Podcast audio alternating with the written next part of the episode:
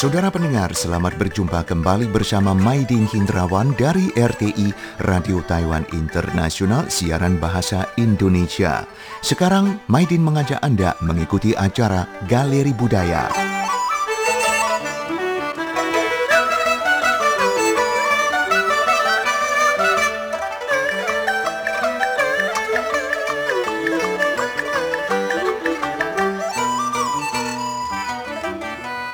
Beberapa saat lalu, Maidin menonton kembali film Warriors of the Rainbow, Sidik Ballet yang sempat menghebohkan saat pertama di premier pada tahun 2011.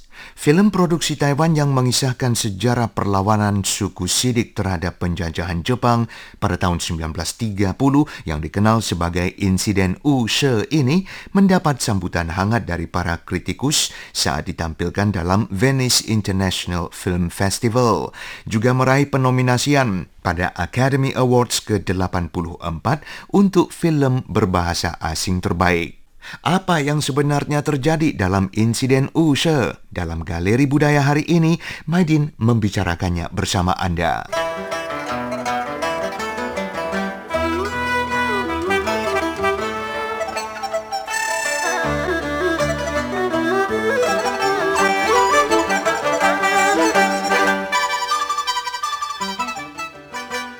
Sidik atau Saiteke dalam bahasa Tionghoa adalah salah satu suku asli Pulau Formosa atau Taiwan yang menempati wilayah Nantou dan Hualien. Sebagaimana nama sukunya, maka bahasa yang mereka gunakan dikenali sebagai bahasa Sidik. Namun begitu pengakuan atas keberadaan suku ini tergolong lambat dilakukan. Suku Sidik baru resmi diakui pemerintah Taiwan sebagai salah satu dari 16 kelompok adat Taiwan pada tanggal 23 April 2008. Sebelumnya, suku Sidik bersama suku Truku yang memiliki kekerabatan erat diklasifikasikan sebagai suku Atayal. Pada tahun 1895, Taiwan berada di bawah kekuasaan pemerintah Kekaisaran Jepang melalui perjanjian Shimonoseki. Pendudukan Jepang atas Taiwan terjadi setelah Jepang berhasil mengalahkan dinasti Han. Pejabat militer Jepang yang ditempatkan di Taiwan berpendapat bahwa penduduk asli adalah hambatan utama bagi mereka untuk menguasai sumber daya alam di Taiwan. Pendudukan itu menyebabkan pertempuran tak seimbang antara penduduk asli dan militer Jepang. Perlawanan demi perlawanan meninggalkan cerita panjang pada jejak tebing. Ketakutan terbesar penguasa militer Jepang adalah aktivitas adat berburu kepala manusia dari musuh-musuh mereka. Selama 20 tahun penguasa militer Jepang berusaha menghapuskan kebiasaan itu. Para pria dari suku-suku asli Taiwan dibujuk menjadi buruh perusahaan kayu. Walau berupah rendah, mereka menerima tawaran itu karena tekanan kuat militer Jepang. Mereka pun dilarang memegang senjata api atau musket untuk keperluan berburu hewan secara tradisional. Sedangkan para wanita suku-suku asli Taiwan bekerja di rumah-rumah orang Jepang dan dilarang menenun kain tradisional. Namun untuk memenuhi kebutuhan sehari-hari, para pria suku Sidik tetap melakukan hubungan dagang dengan etnis Han. Mereka mendapatkan alkohol dan obat-obatan dari toko kelontong warga Han yang membolehkan mereka mendapatkan semua barang itu secara kredit. Di atas segalanya tetap saja militer Jepang melarang siapa pun memakai tato wajah yang juga merupakan salah satu kebiasaan dan tradisi suku adat di Taiwan karena diyakini oleh suku-suku Taiwan sebagai jalan ke sisi lain di ujung jembatan pelangi setelah kematian. Setelah 20 tahun berada dalam tekanan militer Jepang, upaya pelemahan itu tampaknya berhasil. Sekelompok orang suku Sidik seperti Dakis Nomin, Dakis Nawi, Obing Nawi, dan Obing Tadau bahkan mengadopsi nama pendidikan, bekerja, dan hidup di antara orang-orang Jepang. Merasa berhasil dengan upaya pelemahannya, militer Jepang justru tak menyadari bahwa ada ketegangan yang terpicu dalam kepemimpinan setiap suku di Taiwan. Pada akhir musim gugur tahun 1930, salah satu pemimpin suku Sidik, Mona Rudao, melangsungkan sebuah acara pernikahan untuk pasangan muda warga desanya. Untuk memenuhi keperluan upacara, Mona Rudao memimpin sekelompok orang desanya untuk berburu hewan upacara. Di sinilah film Warriors of the Rainbow Sidik Ballet dimulai.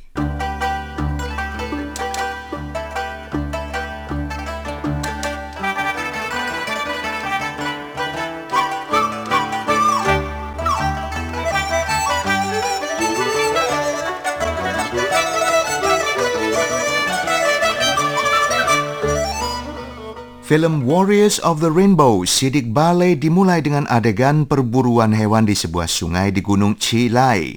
Dua orang pemburu suku Bunun yang sedang berburu babi hutan bertemu dengan kelompok pemburu suku Sidik yang dipimpin Mona Rudau. Salah satu pemimpin Bunun, Temu Wali, yang sedang berburu bersama seorang polisi militer Jepang, Kojima Genji dan anaknya, tak sengaja bertemu kelompok pemburu Mona Rudau. Pertemuan tak sengaja ini membuat dua kepala kampung itu berdebat soal batas areal perburuan. Perdebatan itu memanas saat kawan Temu Wali menodongkan senjata yang segera memicu kemarahan Mona Rudau yang langsung menyerang dan membunuhnya. Mona Rudau juga merampas hasil buruan yang diperoleh Temu Wali dari wilayah perburuan suku Sidik. Pertengkaran itu berbuntut panjang. Saat pesta pernikahan warga Monarudau, seorang polisi militer Jepang yang baru saja dilantik bernama Yoshimura berkeliling memeriksa keamanan desa. Tado Mona, anak Monarudau, menawari Yoshimura segelas bir millet, sejenis bir tradisional suku Sidik yang difermentasi dengan air liur. Yoshimura yang gugup menyangka niat baik Tado Mona sebagai upaya meracuninya. Dia kemudian mendorong Tadomona hingga terjatuh ke liang berisi darah bekas penyembelihan hewan. Melihat saudaranya dikasari oleh orang Jepang, Baso Mona memukul Yoshimura dan perkelahian tak bisa dihindari. Mona Rudao menghentikan pertarungan, namun Yoshimura yang cemas akan keselamatannya mengancam akan menghukum seluruh warga desa.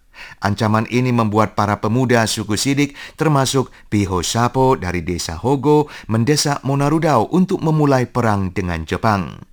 Monarudau bilang bahwa mereka tak mungkin menang, namun Monarudau juga melihat perang sangat dibutuhkan untuk menghentikan tekanan militer Jepang selama ini. Dalam beberapa hari, Monarudau menyerukan desa-desa Sidik agar masuk dalam fakta, menggabungkan kekuatan untuk sebuah serangan terbuka. Mona Rudau berdemonstrasi dari desa ke desa. Di desa terakhir yakni desa Hogo, kepala desa Tadao Nogan setuju bergabung dengan Mona Rudau. Mereka berencana menyerang Jepang tanggal 27 Oktober 1930 saat Jepang sedang menggelar pertandingan olahraga di halaman sekolah desa Use untuk menghormati Pangeran Kita Shirawaka Yoshihisa. Para wanita suku Sidik termasuk Mahung Mona, putri Mona Rudau, tahu rencana perang itu. Sementara itu, Dakis Nomin, seorang pemuda suku Sidik yang telah menjadi polisi militer Jepang dan berganti nama menjadi Hanaoka Ichiro, mendapat kabar bahwa Monarudau sudah bersiap untuk perang. Meskipun tidak membocorkan rencana itu, dia tetap datang menemui Monarudau.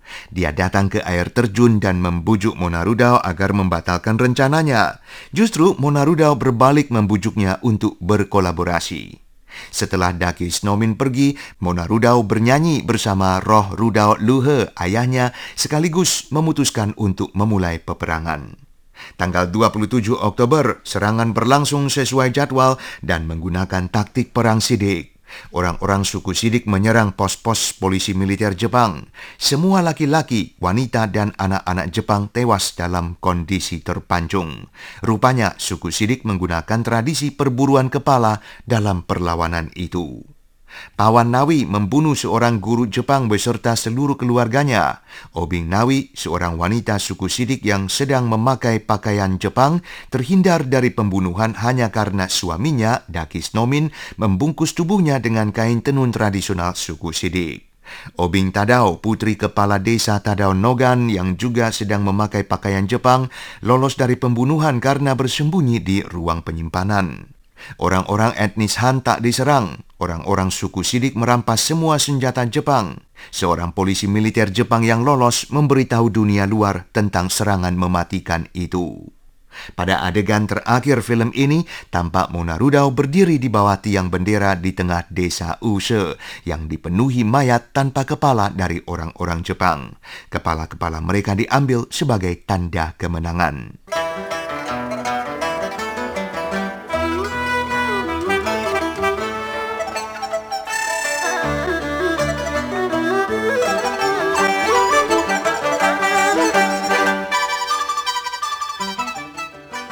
Demikianlah saudara pendengar perkenalan tentang insiden Use yang terjadi pada tahun 1930 yang merupakan sebuah perlawanan dari suku Sidik terhadap tekanan militer dari kolonialisme Jepang. Dan dengan ini tibalah saatnya bagi Maidin untuk mengakhiri acara Galeri Budaya sampai di sini saja. Kita bersua lagi di lain kesempatan dan di acara yang sama minggu depan.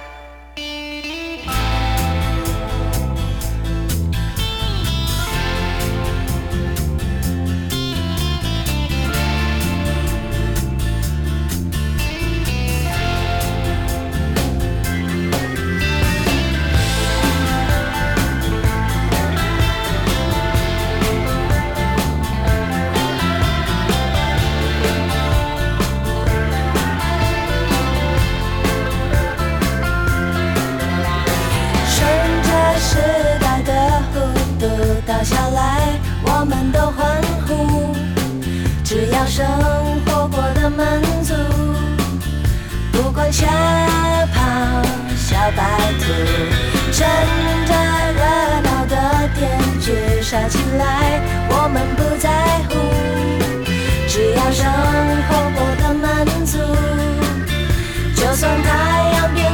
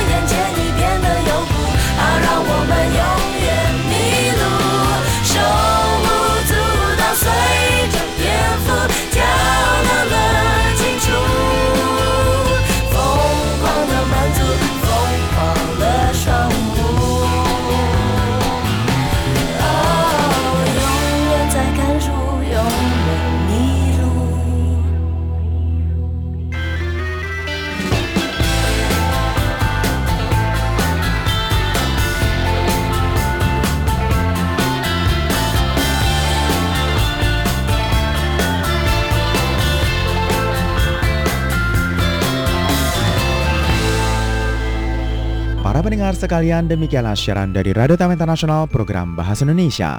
Acara kami sendiri disiarkan tiga kali sehari antara lain, siaran pertama disiarkan pada pukul 10 hingga 11 UTC dengan gelombang SW 11915 kHz. Untuk siaran kedua disiarkan pada pukul 12 hingga 13 UTC dengan gelombang SW 11915 kHz. Dan siaran ketiga disiarkan pada pukul 14 hingga 15 UTC dengan gelombang SW 9735 kHz. Untuk acara hasil kerjasama dengan Kementerian Ketenagakerjaan Taiwan disiarkan setiap hari Kamis pukul 20 hingga 21 waktu Taiwan dengan gelombang MW 1422 dan siaran ulangnya disiarkan pada hari Jumat pukul 8 hingga 9 waktu Taiwan dengan gelombang MW 1422. Guna memudahkan pemantauan siaran dari RTI, silahkan mengunduh aplikasi Radio Taiwan Internasional di dalam gawai dan juga gadget Anda. Jangan lupa untuk menambahkan fanpage Facebook RTSI. Untuk kritik dan saran, silahkan kirimkan email Anda ke rtsi@rti.org.tw.